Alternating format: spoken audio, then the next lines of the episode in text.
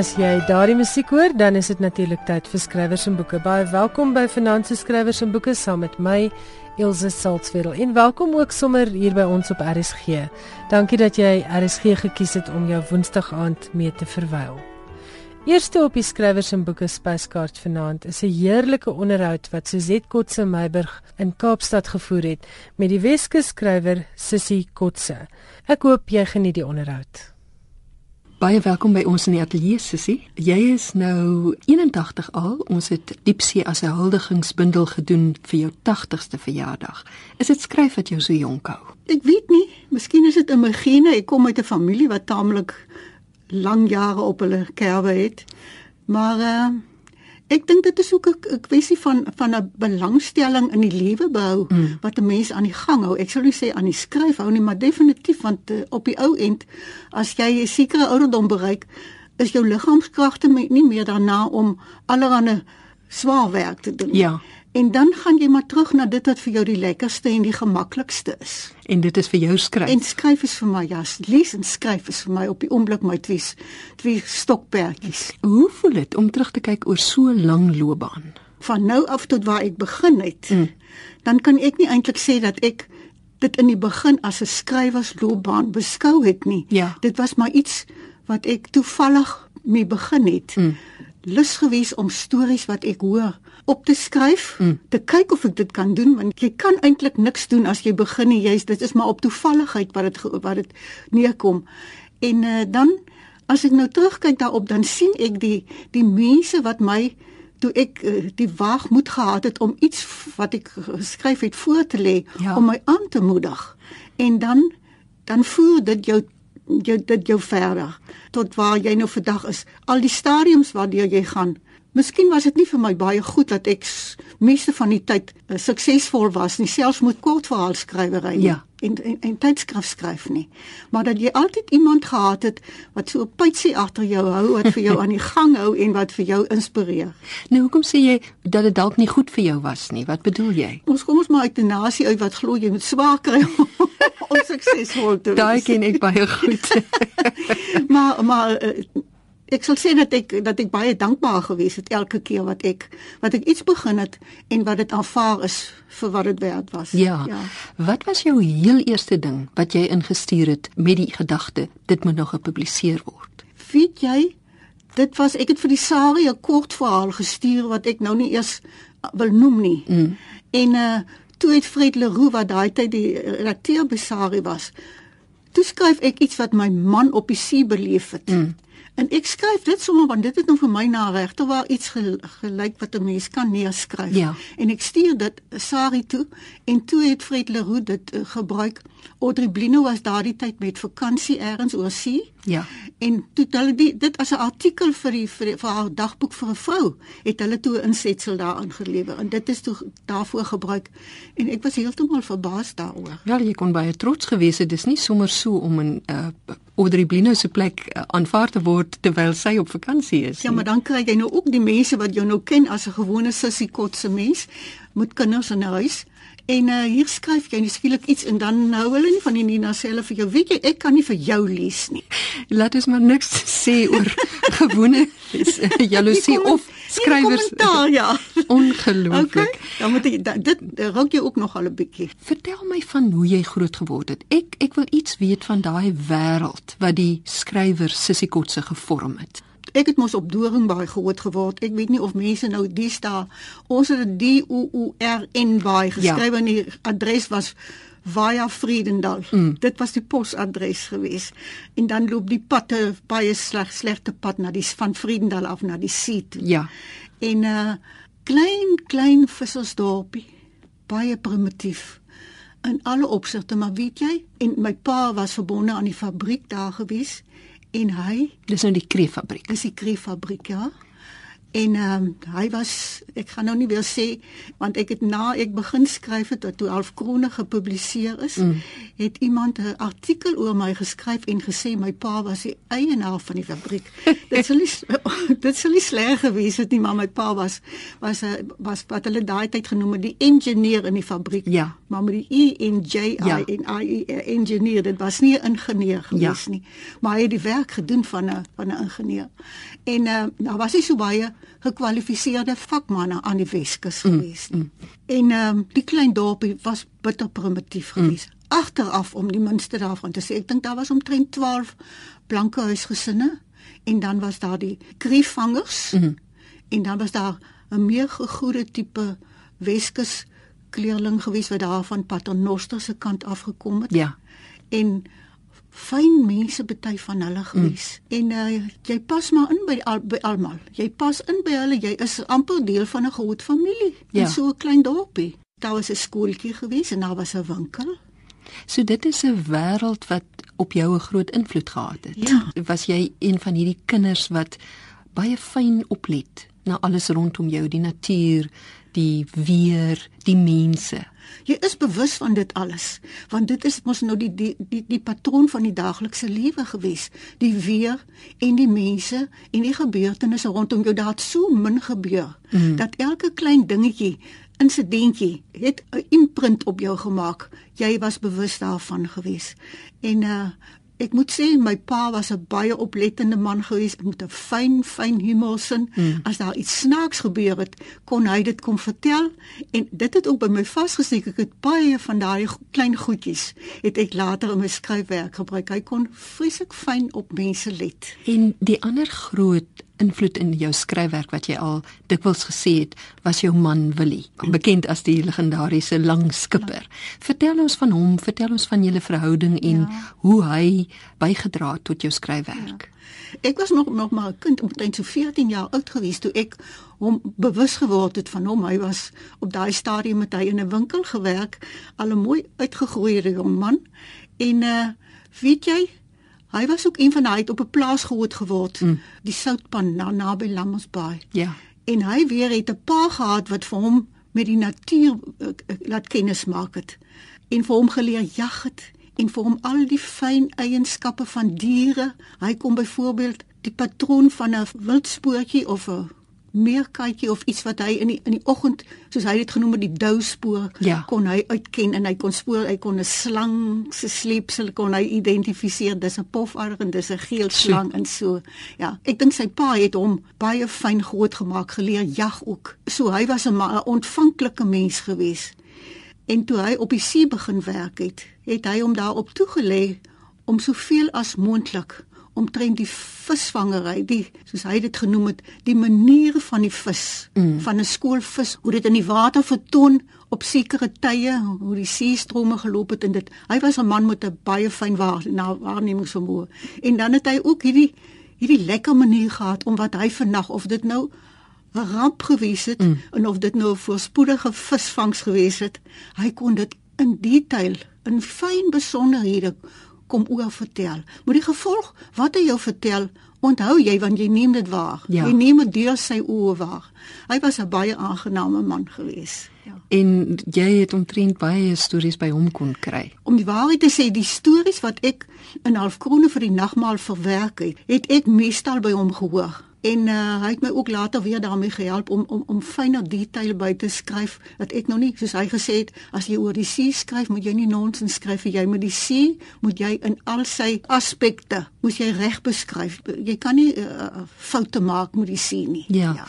Petra Grieter het eendag gesê dat jy as skrywer omtrent die persoon is wat eiehandig gesorg het dat 'n seemanstaal in Afrikaans opgeteken word. As 'n mens nou dink ons kom uit 'n seevarende nasie, die mense wat hier op die Kaap uh, by aangekom het die ou Hollanders, hulle was uh, uit uit 'n see omgewing en dis asof ons het nog van die see uitdrukkings, maar dit is dit het glad nie ons het van daar af het Afrikaanse landtaal geraak, 'n boerderytaal.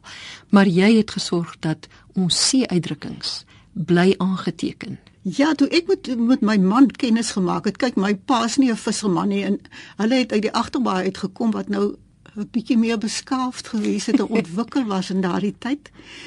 En kom ons nou met hierdie uh, vissermense, maar my man vernaamlik. Hy het 'n soort van 'n seemans dialek gepraat mm. wat vir my baie baie dit het 'n indruk op my gemaak. Dit het vir my gefassineer. Ja. As hy begine gesels in sy eie vissermans boottaal. Sy boottaal. Mm -hmm. Ja. En uh ek kon nie anders toe ek sy stories begine opskryf. Die stories wat hy vertel het. Kyk as hy vertel het hoe 'n kind hardloop, dan sê hy dit kos toenaal trek. dan kan jy al dink hoe hy sy voorvoete ingrawe in daai sand in om te hardloop. Ja, ja. En so aan. En ons het ook gepraat het van hoe ek het nou dinges ek ken nou net ek kan nou net aan 'n paar dink maar hoe hulle ook vertel het van as 'n voertuig nou baie vol gelaai is. Soos ons taksies die staan dan kan jy sê Ja. hy's troksvrag gelaai. dan is hy nou oorlaai Ja, en ja. so aan. So ja, hulle het nog al 'n manier gehad om om om 'n ding te beskryf. 'n regtige Siemens dialek. En jy het nou begin deur vir tydskrifte te skryf, baie kortverhale, later eh, wonderlike liefdesverhale wat as vervolgverhale gepubliseer is. Ja. Dit is nog in die oude, goeie ou dae van die vervolgverhale gewees. Petra Gritter het hulle vrye stories genoem. Dit was fantastiese vrye stories. Ek het hulle as kind almal gelees en ek was mal daaroor. Dit was my eerste kennismaking met jou as skrywer. En toe kom 1982 en jou eerste kortverhaalbundel publikasie Halfkrone vir die nagmaal. En eh, dit plaas jou toe nou eintlik in die literêre wêreld want Andrei P Brink en Henny Oukamp het hierdie boek baie hoog aangeprys en die volgende jaar het hy ook die Eugene Maree prys gewen. Dit was nou seker nog 'n grootigheid, soos die ou mense nou sal sê. Ja, jy's eintlik stomp geslaan omdat dit vir jou so onmoontlik klink. Ek meen jy's nie dat ek ooit 'n kompeterende mense was tot vandag toe nog is ek nie ek, wil ek nie in kompetisie nie, maar jy staan eintlik in jy is geplaas in kompetisie met geweldige uh, goeie goeie skrywers, nee. Afrikaans het Ja. besondere goeie kortverhaalskrywers en 'n lang tradisie van goeie kortverhale. So Kortverhale inderdaad. was was daardie tyd ja, ek sal nie sê dat ek kortverhale gekies het omdat dit makliker was nie, want dit is definitief nie maklik Nee. Is eintlik vir my 'n baie moeilike medium om in te skryf en so oud soos wat ek nou is, het ek nie die moed om weer so iets aan te pak nie. Ja, jy sal weet want jy het jou kortverhale en dan jy jy het vyf bundels kortverhale wat ons nou uit Ja. ja. versamel het vir vir hierdie bundel en dan het jy ook nou jou lang romans soos Mm. Hoogtyd van die afgelope jare en ehm um, Toringse Baai. So jy sal weet wat Ja. die verskil is tussen romans skryf en kortverhaal skryf. Ja, die ding is jy moet baie dissipline hê vir al twee maar veral vir 'n kortverhaal want jy moet hom jy moet so baie Ek dink gedigte is natuurlik ba- 'n ander genre. Hulle is die moeilikste. Ja, maar uh, in 'n kort verhaal moet jy in 'n kort bestek moet jy alles sê wat daar gesê moet word en 'n ordentlike slot skryf. Ja, vir al daai oordentlike Ja. ja. slot. En ehm um, nadat jy toe nou die prys gewen het, het dit vir jou verander aan jou skryf skrywery vir jouself. Wie iemand het vir my gesê nou vanaf sal dit vir jou makliker wees, maar dit is nie makliker nie. Ek is 'n stadige werker en uh, dit was nooit vir my verskriklik maklik geweest nie. Alhoewel die materiaal altyd daar was. Ek het nooit 'n uh, gebrek aan idees gehad nie, want ek het ook maar my idees gekry uit die omgewing waarin ek lewe en die omstandigheid waarin ek lewe. Ek het byvoorbeeld my kortverhaalbundels geskryf. Een het gegaan, halwe hemel het gegaan oor die plaasie waarop ons ge geboer het. Dit was nou later jare toe Willie nou nie meer op die see gewerk het. nie. toe toe ons nie meer op die see gewerk het nie. Jy het die jy het die materiaal. Ek het ook gedink as ek nou eendag nie meer op die plase sien dat daar nie so baie by verpligtinge is of wat ook al Ja. sal dit ook makliker gaan. Maar nou wat ek stok alleen is in al die tyd op die aarde het, is dit maar nog dieselfde. Ek skryf nie so maklik nie. Mm. Dit gaan baie keer vir my moeilik. Dit bly vir jou 'n aansporing dat iemand nog geïnteresseerd is in iets wat jy wil sê en dan gaan jy daarmee aan en dan natuurlik 'n baie belangrike faktor is wat anders moet jy doen? om jou besig te hou. Ja. sê jy. Mens kan tog nie heeldag net goeie boeke lees En nie. ek kan ook die hele dag koekies bak en brei nie. So dit is net een van daai dinge. Jy moet jouself in 'n posisie plaas waar jy wonder, wat gaan ek met my die res van my lewe doen? Ja, ja. Jy is 'n skrywer met 'n besondere goeie ehm um, mens kan seker nou maar sê mooi skryfstyl. Soms kom ek agter dat dat mense dink maar alle skrywers het noodwendig wat ons noem 'n goeie skryfstyl. Maar skryfstyl wissel. Jou storie is wat jy sê, maar dan is jou skryfstyl is hoe jy dit sê. En daai hoe skrywers dit sê verskil baie. Jy kry skrywers met 'n werklike fantastiese styl wat jy elke sin het 'n mens as leser amper 'n ekstra plesier aan. Jy het 'n taalplesier daaraan wat nie vir alle skrywers uh, so is nie. Party het 'n baie meer, kom ons sê maar 'n prosaïese styl, 'n baie meer gewone styl. Maar jy het 'n baie goeie styl. Is jy 'n 'n woordgevoelige mens? Is daar uit jy 'n spesifieke belangstelling in woorde, 'n liefde vir woorde? Miskien dit ook ja, maar ek skryf eintlik maar uit die omgewing en die omstandigheid waarin ek leef. En daai tipe van ding kom na jou toe aan. As jy iets wil sê, het jy klaar die prentjie voor jou. Mm -hmm. Ek weet nou nie of dit nou my vraag jou vraag beantwoord nie. Nee, jy maar doen... jy het die prentjie voor jou waaruit daardie vertelling stap. Ja. En dan maak jy jou sinne daar volgens sal ek maar sê en jou woord gebruik. Jy my woord gebruik. Want jy moet onthou dit is 'n 'n taamlike vermenging van mense en omstandighede. Mm. En elkeen van daardie karakters bring iets met hom saam wat na jou toe kom. En dit gebruik jy soos soos dit opdaag. Ek kan nie sê dat ek met opset 'n sekere styl handhaaf nie. Ek is nie ek is nie 'n formele skrywer soos iemand eendag vir my gevra het nie. Kan jy formeel skryf nie? Ek sal nie weet hoe nie. Maar ek ek skryf spontaan en wat wat wat ek beleef dit is sonder opset gedoen. Ja. ja. Sonder ehm um, enige voorbedagtheid ja, ja. wat eintlik die beste manier is, jy weet, ja. is maar om hier uit die maag uit uit die krop uit te skryf. Ja. Ek het nou, soos ek sê as kind het ek jou skryfwerk leer ken en baie lief geraak daarvoor. En toe as groot mens het ek nou die voorreg gehad om 'n hele paar van jou romans al persklaar te maak. En dis ook 'n interessante ding by skrywers. Die meeste skrywers oorskryf sodat 'n mens wanneer jy redigeer, dan sny jy 'n bietjie weg. Uh te veel sinne, 'n bietjie te veel woorde, maar jy's een van die min skrywers wat eintlik 'n bietjie te kripties skryf. Vir wie ek meer kere al moes vra, ek soek hier ietsie meer. Daai ehm um, ek wil amper sê onderbeklemtoon de manier wat ook vir my verband hou met jou grootword wêreld wat eintlik grens aan my grootword wêreld die Weskus in Namakoland. Vir my is dit so tekenend van daai wêreld en ook van die mense se sin vir humor wat so absoluut onderbeklemtoon is. Is jy bewus van daardie die dinge in jou werk? Ek is bewus daarvan in die opsig dat 'n mens baie keer bewus is van van jou tekortkoming dat jy nie so so breedsprakig is nie. nee.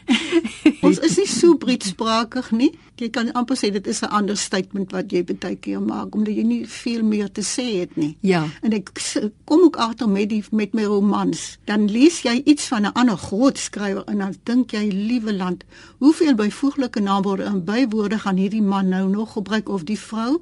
En as jy dan dit terugbring na jou eie werk toe dan dink jy dit werk nie vir jou nie. Mm. Krap maar dood. Ja. Dit hang van 'n mens se persoonlikheid af. Dit doen en ek glo baie sterk aan daai ding van die wêreld wat wat jou as mens gevorm het en dus ook as skrywer. Ja.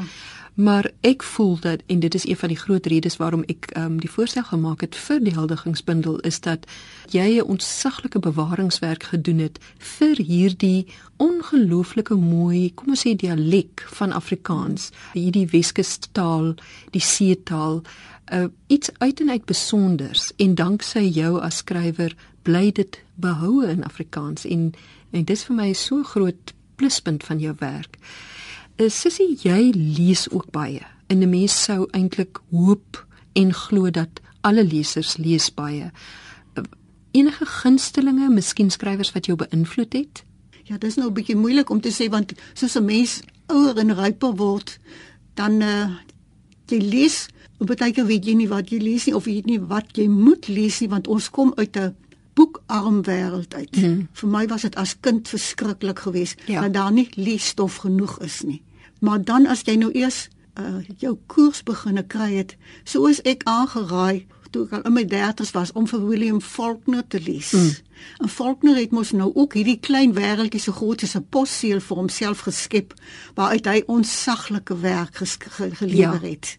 Nou ja, ek wil my nie met hom dinges nie, maar dit dit het my laat voel dat ek eintlik nie dat ek geregtig is om net uit my wêreldjie uit te skryf. Ja. Ja.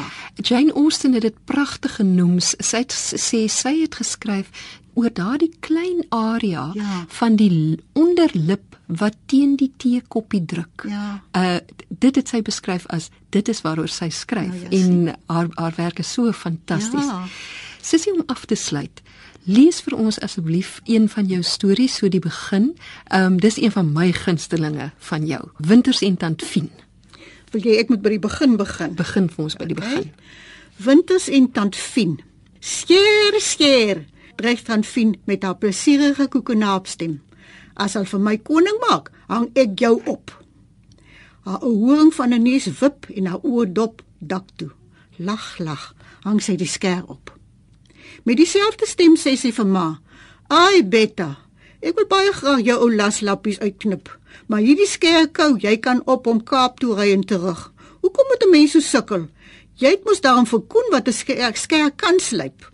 Sy rol die bonne lappe in mekaar met maak en doen hande en kyk haar koffiekoppie nader terwyl die lepeltjie vrolik rinkel en die anysbeskuit week sê sy: "Ah ja. Jy daarom nog vir Koen, Betta, maar arme weduwee. Sy moet maar die beste van 'n slegte saak maak en verder sien en kom reg. Haar swaker jare het begin toe sy haar man afgegee het en sy die boerdery vinger alleen moes oorneem. Ek sit onder die kombuistafel met 'n roksak propvol resentjies, te bang ek byt dalk 'n pit raak. En luister hoe sy daardie rivier erf plat hardloop. Sy ploeg en grop, baal en pers. Sy haal haar liggaam uitmekaar om oral by te wees. Sy laat dit borrel in koek.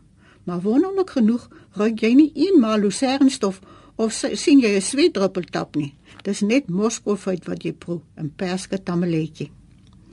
En dat dan vind sit kers regop op een van ons houtstoele met pink wange en blink oë. Haar bolla is los bo op haar kop gedraai en met 'n hoedespeld met 'n suurknop vasgesteek. Haar kolletjie rok sit ruim oor haar groot kop wat uit haar middellyf uit opstoot tot by haar keel. Daar's 'n moederspeld in die vie van haar hals vasgesteek. Sy stryk met haar hand oor haar kussingbors en pik 'n beskuitkrummeltjie van haar skoot af op. Ag ja, smag sy. Die liewe lewe. Sy het byt alles 'n jongetjieskind alleen groot gemaak. Sy het 'n man van hom gemaak. Dit was die stem van Sissy Kotse in gesprek met Suzette Kotse Meiburg. Sissy het voorgeles uit een van haar verhale wat opgeneem is in haar heel eerste verhaalbundel Halfkrone vir die nagmaal. Nou Kobus Burger het my laat weet hy's natuurlik die hoof van drama hier by RSG dat ons nuwe oggendboekvoorlesing vanaf die 14de April is juis 'n verhaal deur Sissy Kotse. Hoogtyd is haar tweede roman en 'n Weskus verhaal waarin sy die streek en sy mense, die see as ook die troebel en helder waters waardeur verhoudings gaan, meesterlik beskryf. Sy het die boek opgedra aan die lang skipper haar man wat lank reeds oorlede is en oor wie sy en Suzette in die onderhoud gepraat het. Sy beskryf sy bydrae tot die boek as die onvergeetlike vertellings wat die basis van die roman vorm. Oor hoogtyd het Janet Ferreira, bekende letterkundige, op Litnet die volgende geskryf: Wat hoogtyd 'n spesiale kerfie op Kotse se oeuvre maak, is dat sy daarin slaag om die allergewoonste verhaal van allergewone mense te vertel en nogtans die spanning in stand te hou. Styf getrek soos 'n nuwe visserstou wat heelnag in die melk gelê het om sy krag te toets. Wanneer sy haar van liriek bedien, is dit nooit soetlik nie. Dit getuig eerder van die skoonheid wat in die alledaagse skuilhou, daar vir wie dit wil en kan sien. Dit is die woorde van Janet Ferreira oor Hoogtyd, ons nuwe oggendboekvoorlesing vanaf Dinsdag die 14de April. Elke oggend om 11:45 net hier op RSG en die voorleser is Elise Kaywood. Hier's 'n bietjie boeke nuus wat van belang kan wees vir voornemende skrywers in Gauteng. Die eerste South African Indies Rock Boekefees vind op 28 Maart, dis nou eerskomende Saterdag, in Rodepoort plaas. Dis gestig deur die skrywer Carlyle Labuschagne wat onder meer die romans Dead of Night, The Broken Destiny en Evanescent op haar kerfstok het. Sy het die boekefees gestig na aanleiding van haar eie stryd om 'n gepubliseerde skrywer te word en wil met die fees 'n platform skep vir gesprekvoering tussen selfgepubliseerde en hoofstroomskrywers. Van die sprekers is die sosiale media strateeg Janet Wallace, die uitvoerende hoof van Social Deviants en stigter van die Utopia konferensie in Nashville, die skrywer Gareth Crocker en David Henderson, stigter van die bedryfsblok myebook.co.za. Paneelbesprekings oor die regering, bemarking, uitgewery en verkope is op hierdie naweek se boekespyskaart by die South African Indies Rock Boekefees. En 'n paneel van 6 uitgewers gaan beoordelaars wees van 'n boekvoorleggingskompetisie. Die fees word gehou by Mujaji House, Oosthuizen Rylaan 23 in Rodepoort en vind hierdie Saterdag die 28ste Maart plaas. Meer inligting by sairbookfestival.weebly.com. In die SAIR staan natuurlik vir South African Indies Rock Boekefees. Nog boeke nuus hierdie keer vir kinderboekskrywers. Die baie bekende Maskew Miller Longman uitgewers het pas hulle 9de jaarlikse Maskew Miller Longman letterkundige toekenninge aangekondig. En hierdie jaar fokus hulle op kinderfiksie. Daar is 'n uitnodiging vir nuwe en voornemende kinderboekskrywers om hulle ongepubliseerde en oorspronklike manuskripte gemik op kinders tussen die ouderdomme van 9 en 11 in te skryf vir hierdie kompetisie. 'n Prys van R10000 is op die spel. Dit word toegekend aan elke wenner en die weninnskrywings sal oorweeg word vir publikasie deur Pearson Uitgewers. 'n Prys van R3.500 word ook toegekend aan elke finalis. Die sluitingsdatum vir inskrywings is 30 April 2015 en jy kan meer inligting daaroor kry by www.mml.co.za. www www.mml.co.za en die MML staan natuurlik vir Maskew Miller Longman. So haal uit die tikmasjien of die woordverwerker en begin skryf aan jou kinderstorie. Nou luister ons na 'n baie interessante gesprek tussen Corina van der Spool en Eileen Smits. Hulle praat oor 'n baie interessante onderwerp, 'n boek My Room at the Center of the Universe deur Eileen wat handel oor die verband tussen kuns en astronomie en die studie van die wetenskap. En dis 'n baie besonderse verhaal met 'n hoofkarakter met die naam van Elwirdo Boysens. Dit speel af op Sutherland, die geboortedorp van NP van Wyk Lou, en ook natuurlik die tuiste van die Suid-Afrikaanse Groot Teleskoop. Dit is oorspronklik die swaar wêreld van die Kammense en 'n plek waar die sterre so helder skyn dat dit een van die beste plekke in die suidelike halfrond is om die heelal te bestudeer. Helene Smits van Africa Meets Africa skets vir ons nou die agtergrond oor waar hierdie boek ontstaan het. Eileen, Africa Meets Africa bestaan al baie jare. Ja, weet jy, dis nou al amper 14, 15 jaar kom ek tot my skok agter. Die projek het ontwikkel binne 'n baie ehm um, aktiewe kunsonderwyswêreld in die 1990s in Johannesburg en hier in die 2000s in. Dit het eintlik sy oorsprong gehad by die opvoedkundige program wat saam met 'n uitstalling gegaan het jare gelede in 1999. En die titel van die ding was Africa Meets Africa. Dit was 'n Hollandse uitstalling, maar ons het intussen eintlik as onafhanklike nie profitmakende maatskappy die naam herinterpreteer want jy weet die 90's was baie interessant in die tyd waarin ons lewe en my gevoel as 'n onderwyser daai tyd was dat mense opnuut Suid-Afrika vir jouself moet gaan ontdek in die post-apartheid era. Daar was so baie dinge wat verlore gegaan het na alle kante toe. So vir ons is Africa meets Africa is 'n kwessie van rondry in die platteland en spesifieke plekke en hulle mense ontdek en die kennisstelsels wat daar is, plaaslike kennisstelsels, daar is ek goed. As 'n voormalige onderwyseres lê my hart by onderwysers en ek wil vir hulle die mooiste en die beste leermateriaal gee wat ek kan. En ons glo baie sterk dat die leerproses begin by wat jy weet. Nie by 'n ideale abstrakte raamwerk van idees nie, dit dit begin by wat jy weet, waar jy is. Miskien kan jy meer vertel oor die vorige boeke en wat die idee agter die boeke is. Ek dink die rede hoekom die projek so lank loop al is omdat dit resoneer. Dit het begin met 'n bepaalde idee, letterlik 'n sekere oomblik wat ek besef het waar die projek begin het as iets wat kuns dokumenteer en werk met kunsonderwys. Is dit nodig dat ons verskillende vakke op skoolvlak integreer? Want dis wat 'n mens is. Jy leer nie in terme van bepaalde boksies nie. Die wêreld maak vir jou sin of hy maak nie vir jou sin nie. En ek het in 'n stadium gestaan in 'n landelike gebied in KwaZulu-Natal. Wonderlike man, naam van Jannik van Heerden het my gevra kom asseblief kom dokumenteer die Zulu wewers en kralewerkers. Die meester kunstenaars is besig om uit te sterf. En toe ons daar staan en ons kyk na 'n wonderlike komplekse stukkie Zulu kralewerk wat meeste mense al gesien het. Jy weet hoe kompleks is die patrone daarin en dit werk presies uit. Toe staan 'n onderwyser langs my en iemand sê rural kids of course rural kids struggle with maths en ek dink maar hoe kan dit wees? Want waarna ek nou kyk is die mees gesofistikeerde patroon. En as ek kyk na wewers soos Ruben Dwandwe as hy 'n mandjie weef dan werk die patrone perfek uit.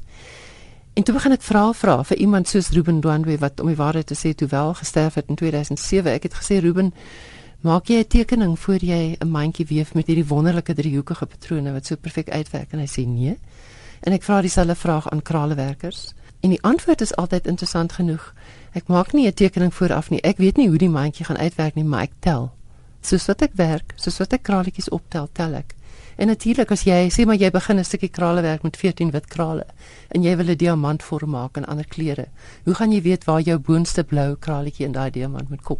Jy gaan 14 deel deur 2 en die projek het soort van geloop op daai beginsel op allerlei maniere.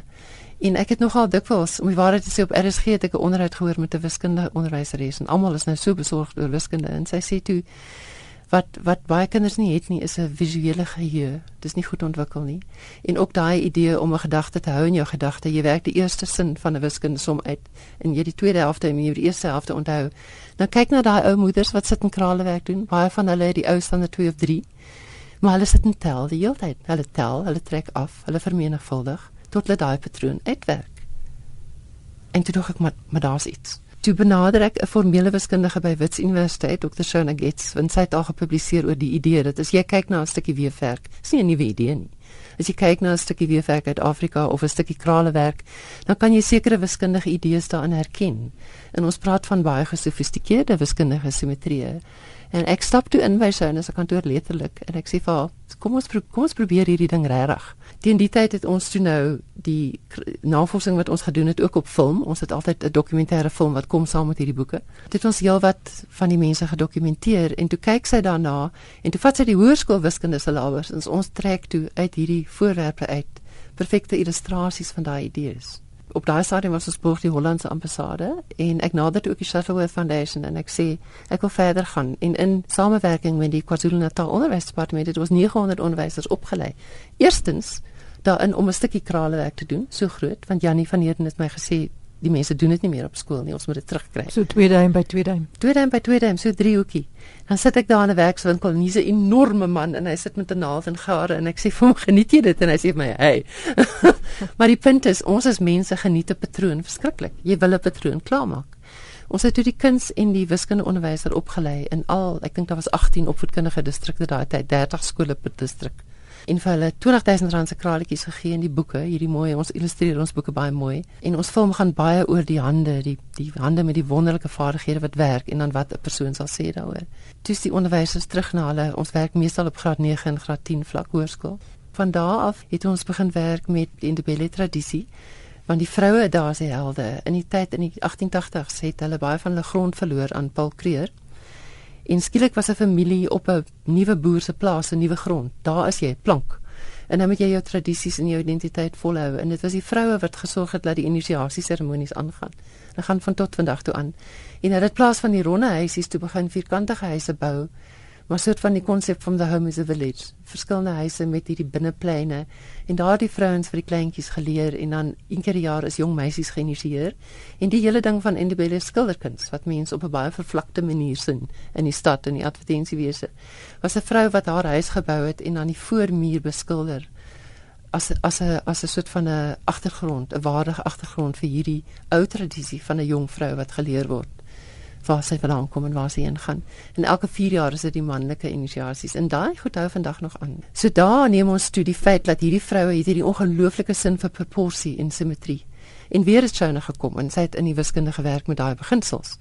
Toe begin ons ook werk met die geskiedenis want jy kan nie die die kulturele geskiedenis skei van die van die van die geskiedenis in hierdie geval waar hy studie vanaand gekom het nie. So professor Sekipakiba Legwati is nou hoof van geskiedenis by Wits en hy is nou ook al lankal een van ons spanlede. So die African Miss Africa span bestaan uit voorste akademici wat letterlik saam met my in 'n kar klim en gaan praat met tradisionele leierskap en tradisionele kunstenaars oor maande. Dit vat lang tyd. En dan daar uittrek ons 'n praktiese metodologie. Esther Matlangu, die beroemde skilder, het nou net vir ons drie skilderye gemaak. Haar groot bekommernis is dat die indebele kuns gaan uitsterf met haar geslag. Want die jong ouetjies wil hulle hulle woon in 'n globale wêreld en 'n plaaslike wêreld. En ons wil graag daai twee bymekaar uitbring. Wiskunde is deel van 'n globale wêreld en moderne tegnologie ook. Maar kralewerk is ook 'n tegnologie. Daar's daai selfe soort van 'n gesofistikeerde denke agter. So ons is nou amper reg om te gaan werk met die geometrie van drie Esther Lange skilderye. So jou een boek het gegaan oor oor die skilderwerk van die Hindebelis en die argitektuur en die argitektuur van die werk, ja. Die ander boek oor die weer van mandjies en die simmetrie wat daarin sit by die in KwaZulu-Natal. Ja, en en nog 'n boek oor die oor die kralewerk ook in KwaZulu-Natal, is dit reg? Die eerste was was um, making a living through the mathematics of Zulu design. Dit was sy titel. Die tweede een is Indebele Women Designing Identity, want dit is maar wat hulle doen. En net daarna omdat ek groot geword het in Bloemfontein, toe doen ons Pathways Through the Interior en dit is Noord-Kaap en Vrystaat se erfenis en geskiedenis. Hierdie boeke van jou, is dit bedoel as as onderwyshulpmiddels of ja. is dit vir kinders bedoel wie op wie is dit gemik? Dis ek bly jy vra daai vraag want dit lei ons ook na die een waar ons eintlik praat vandag. My hart lê by die onderwysers, soos ek gesê het, 'n nuwe onderwysstelsel is na hulle kant toe gegooi sonder na my persoonlike mening voldoende opleiding daarin en ook 'n gebrek aan bronne, want daar's nie noodwendige biblioteek nie. Die internet is 'n wonderlike ding, maar in werklikheid al is daar baie pogings om dit beskikbaar te maak tot almal en ons sal daar kom. Maar ons is nog nie daar nie in terme van landelike klein plekkies.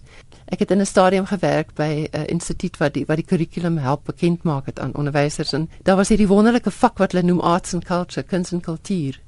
En ek het gedink dis baie lekker, maar in 'n land met 11 amptelike tale, wie gaan besluit wat watter kultuur doen ons nou vandag? Hoe werk dit? En daarmee saam met ons mense onderwysers het wit en swart fotokopie materiaal gekry en ek dink dit is net nie goed genoeg nie. So ons boeke soos jy kan sien is in volle kleur. Jou groot opvoedkundige publiseerders kan heel waarskynlik nie bekostig om hulle te doen nie. So ons werk op die basis van 'n nuwe profitmakende maatskappy. Ons kry befondsing in, dis hoe ons bestaan en ons publiseer 1000 van hierdie op 'n slag met die idee om dan 'n werkswinkel te hou vir bepaalde groep onderwysers in 'n bepaalde konteks.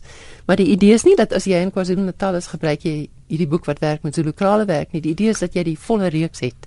Want jy as 'n Suid-Afrikaner, dis jou gedeelde erfenis. Dis die punt. So ek wil graag praat oor jou nuwe boek. Okay. Vir my is dit 'n wonderlike ryk boek. Dit, ja, ons is baie dit, gelukkig met hom. Dit dit is 'n boek wat wat eintlik die ontmoeting is tussen kuns en fisika ja en die heelal. Ja, mooi mooi gestel. Ons het gedink almal hou aan sê jy kan die nasie net red met wiskunde en wetenskap, wiskunde en wetenskap. En dan is ek te midde van hierdie mense met hierdie merkwaardige kennisstelsels en ek ry rond met die voorste akademici en wonderlike gesprekke gebeur. Dit dog ons maar luister, ek en Sven Oesman om die waarheid te sê, hy's 'n wonderlike argeoloog. Is nou Australië toe. Ons het eendag vir mekaar gesê die dag wat ons in wetenskap ingaan, moet dit wees deur die oog. Want as jy kyk na die ou die ehm um, die Boesman tradisie ons almal weet wat 'n goeie jagter se spoorsnyer se Boesman is nê. Nee, dis persepsie dis daai ding baie keer met hierdie projek vind ek die regte kombinasie mense kom soos 'n sterrestelsel bymekaar uit. Dis reg, ek het nog nooit gaan soek na 'n konsep nie. Dit kom na my toe. Maar toe ek in New York was in 2010 toe ontmoet ek die direkteur van die Smithsonian Museum of African Art, Christine Kramer. En sy het 'n uitstalling aan wat sy noem African Cosmos Stellar Arts. So sy kyk toe na ou Afrika kosmologie en sterrekunde want soos ons almal weet is Suid-Afrika se sterrekunde is is net so wonderlik soos ons kontemporêre kuns op die oomblik. Daar gebeur wonderlike dinge. En ek sê dit vir Christine maar ek en Sven praat al lank al ook oor hierdie ding van persepsie. Want dis die oog dis wat jy in gemeen het.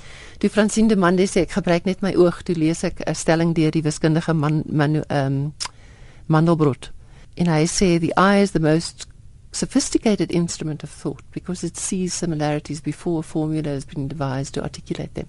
En ek wys dit toe vir Shauna en ek sê kan ek Francina se woorde en sy woorde langs mekaar stel? Sy sê jy kan. So hier gebeur dieselfde ding toe weer. So in ons begin toe navorsing doen um, rondom die idee van hoe gaan jy uh, wetenskappe kyk? En almal van ons het hierdie wonderlike sterre hemel bo aan ons en dis toe die tyd van SALT en die SKA. So hierdie projek begin toe met die idee om daai dinge bymekaar te bring en ook die gedagte dat SALT, die Suider-Afrikaanse Groot Large Teleskoop en die SKA is in Sutherland en Carnarvon in die middel van die Karoo. En dis waar die tram sanmense gewoon het. Dis daai soort van erfenis, die goed kom by mekaar uit. En nou het het ek toe ook twee kontemporêre kunstenaars goed leer ken. En dis Marcus Neustetter en Bronwyn Leys. Om die waarheid te sê, Bronwyn Leys kom werk toe saam met my op die projek op 'n tamelike noue manier. Want Marcus en Bronwyn het as kontemporêre kunstenaars 'n spesiale verhouding opgebou met die mense van Sutherland toe al vir 'n paar jaar. Hulle het begin deur 1 Desember groot vlees te gaan vlieg in die in die township. En die klomp, die kindertjies kom toe en kom toe en kom toe en hulle ontwikkel toe 'n kunsprojek soort van in dialoog met die gemeenskap. Want hulle persepsie was daar staan salt in hierdie internasionale optiese teleskoopstasie buitekant die dorp. Maar jy weet Sutherland en Oudlig, daar sit van weet van die apartheid erfenis af die die Witdorp se een kant en die Breindorp se ander kant. Dis aardig. Daar is blykbaar letterlike toutjie gespan destyds in die dorp so verdeel. En dis nou lank gelede natuurlik. Maar hulle doelwit met hulle projek was juis om mense te laat voel die tegnologie is behoort ook aan hulle. Hulle is in Sutherland behoort ook aan hulle. So hulle projek se naam is Sutherland Reflections en hulle het 'n webwerf www.sutherlandreflections.co.za. En waarvan ek so gehou toe ek hierdie twee ontmoet is met al ons vorige boeke was dit 'n kwessie van eers 'n gemeenskap leer ken of 'n sleutelpersoon hê.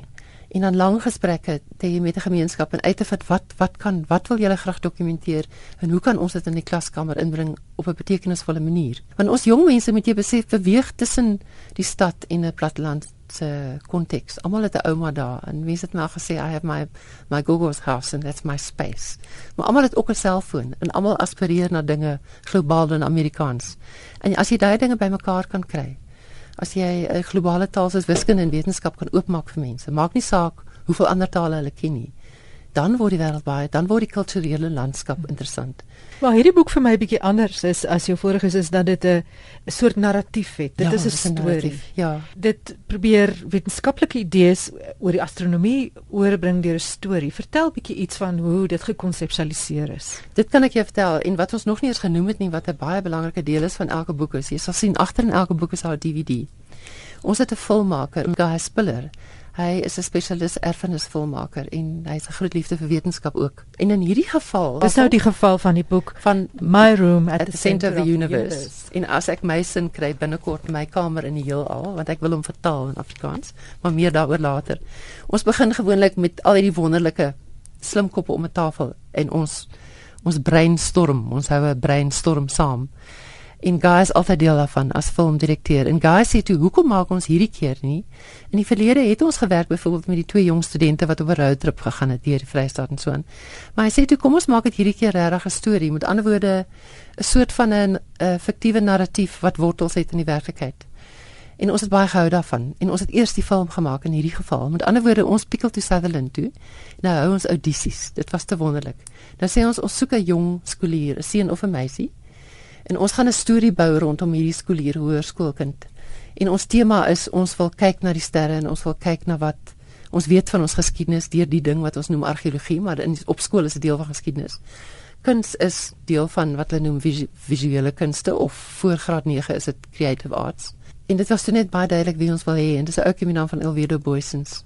So die sentrale figuur in ons boek en film is iemand wat regtig bestaan, maar ons het 'n soort van 'n fiktiewe storie gebou rondom hom. Hierdie kamer uh, in die middel van die heelal is inderwaarheid die kamertjie op die plaas van sy fiktiewe ouma. En sy ouma het wortels en erfenis wat teruggaan na die Khoisan erfenis toe. En sy vertel natuurlik van wonderlike stories. En hy gaan stap baie keer buitekant sy kamer veral na haar afsterwe. So op 16 begin hy die groot vrae vra oor hoekom is ek hier en waar is ek nou eintlik? En natuurlik in Sutherland in die veld toevallig binne ons storie kom hy mense te soos daar sal 'n sterrekundige loop in die veld en hy kyk na die sterre en hy ontdek sy oupa se ou teleskoop in 'n tas en hy begin self vra maar hoekom staan die sterre nie stil nie hoekom beweeg die sterre en hy klim letterlik op sy fietsie en hy ry na die plateau toe by die sterrewag en hy praat met dokter Enrique Olivier wat ook op die einde ons fisika teks geskryf het deel daarvan En hy bars by sy kamer in en hy sê, "Excuse me sir, but why are the stars moving?" So in sy mooi Southern accent. Daai soort van storie. Hy loop ook eendag aan die veld en hy sien daar loop 'n man met 'n groot baard en 'n kamera en hy hou aan foto's neem op die grond langs. En hy sê, "Ekskuus meneer, maar wat maak meneer nou eintlik hierso?" En die meneer sê vir hom, "Man, goeiemôre, my naam is Willem."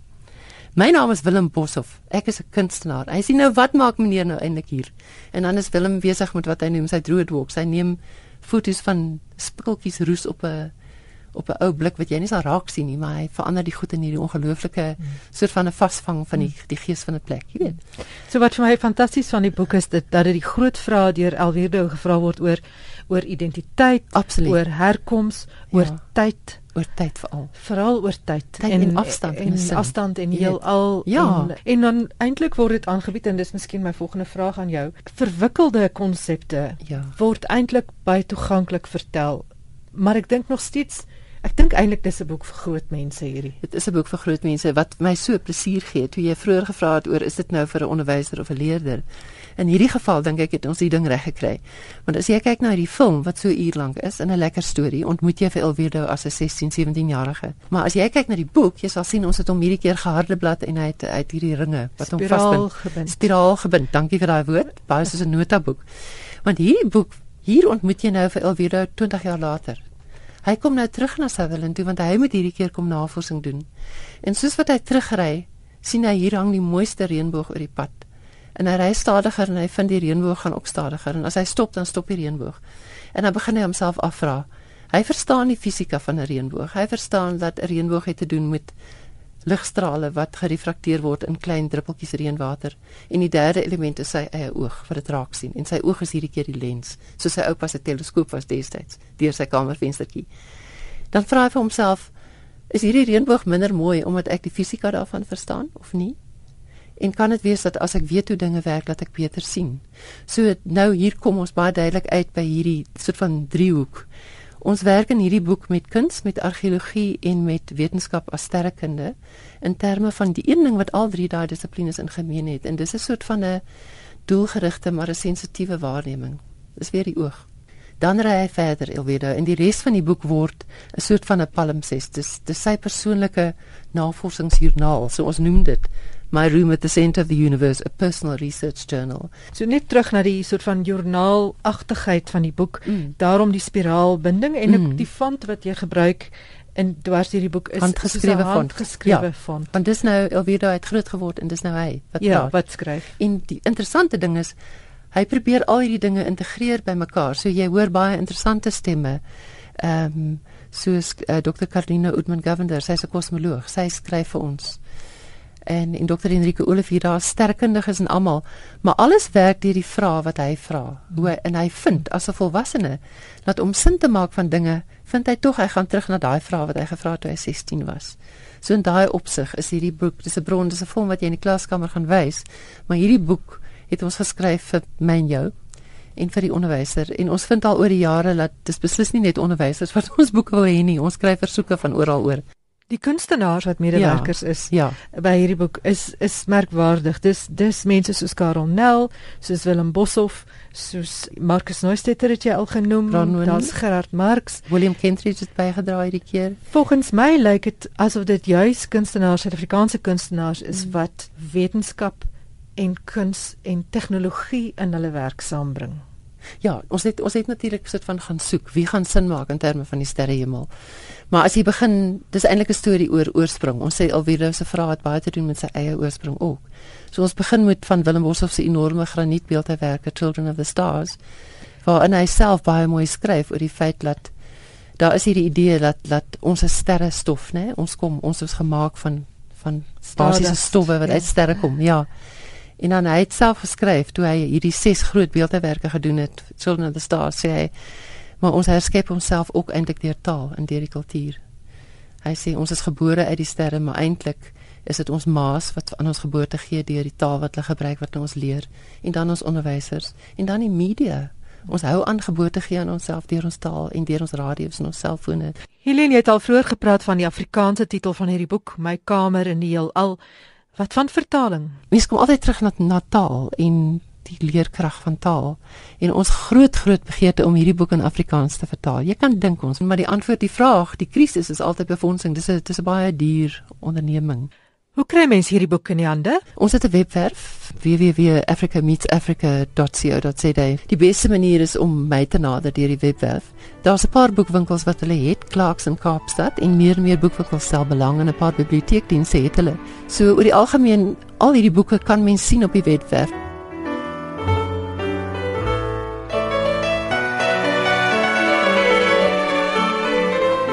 Corina van der Spool het gesels met Helene Smits, stigter en direkteur van Africa Meets Africa wat onderwysershulpbronne in die vorm van boeke en DVD's vir kuns en wetenskap opleiding maak.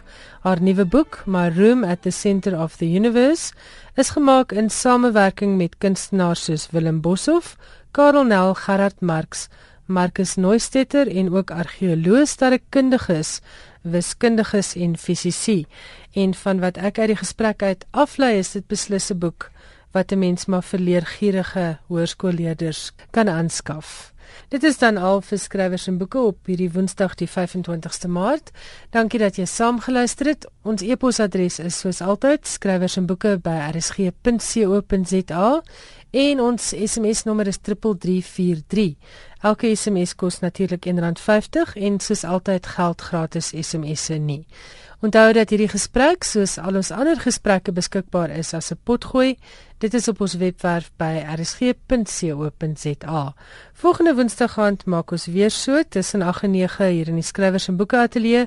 Tot dan, ek hoop jy het 'n heerlike week. Geniet die kort skoolvakansie vir almal met kinders op skool. Geniet die laatslaap en hooplik is daar 'n paar minute elke dag ekstra vir 'n goeie boek. Ek is Elsje Saltzwedel en ek groet uit Johannesburg.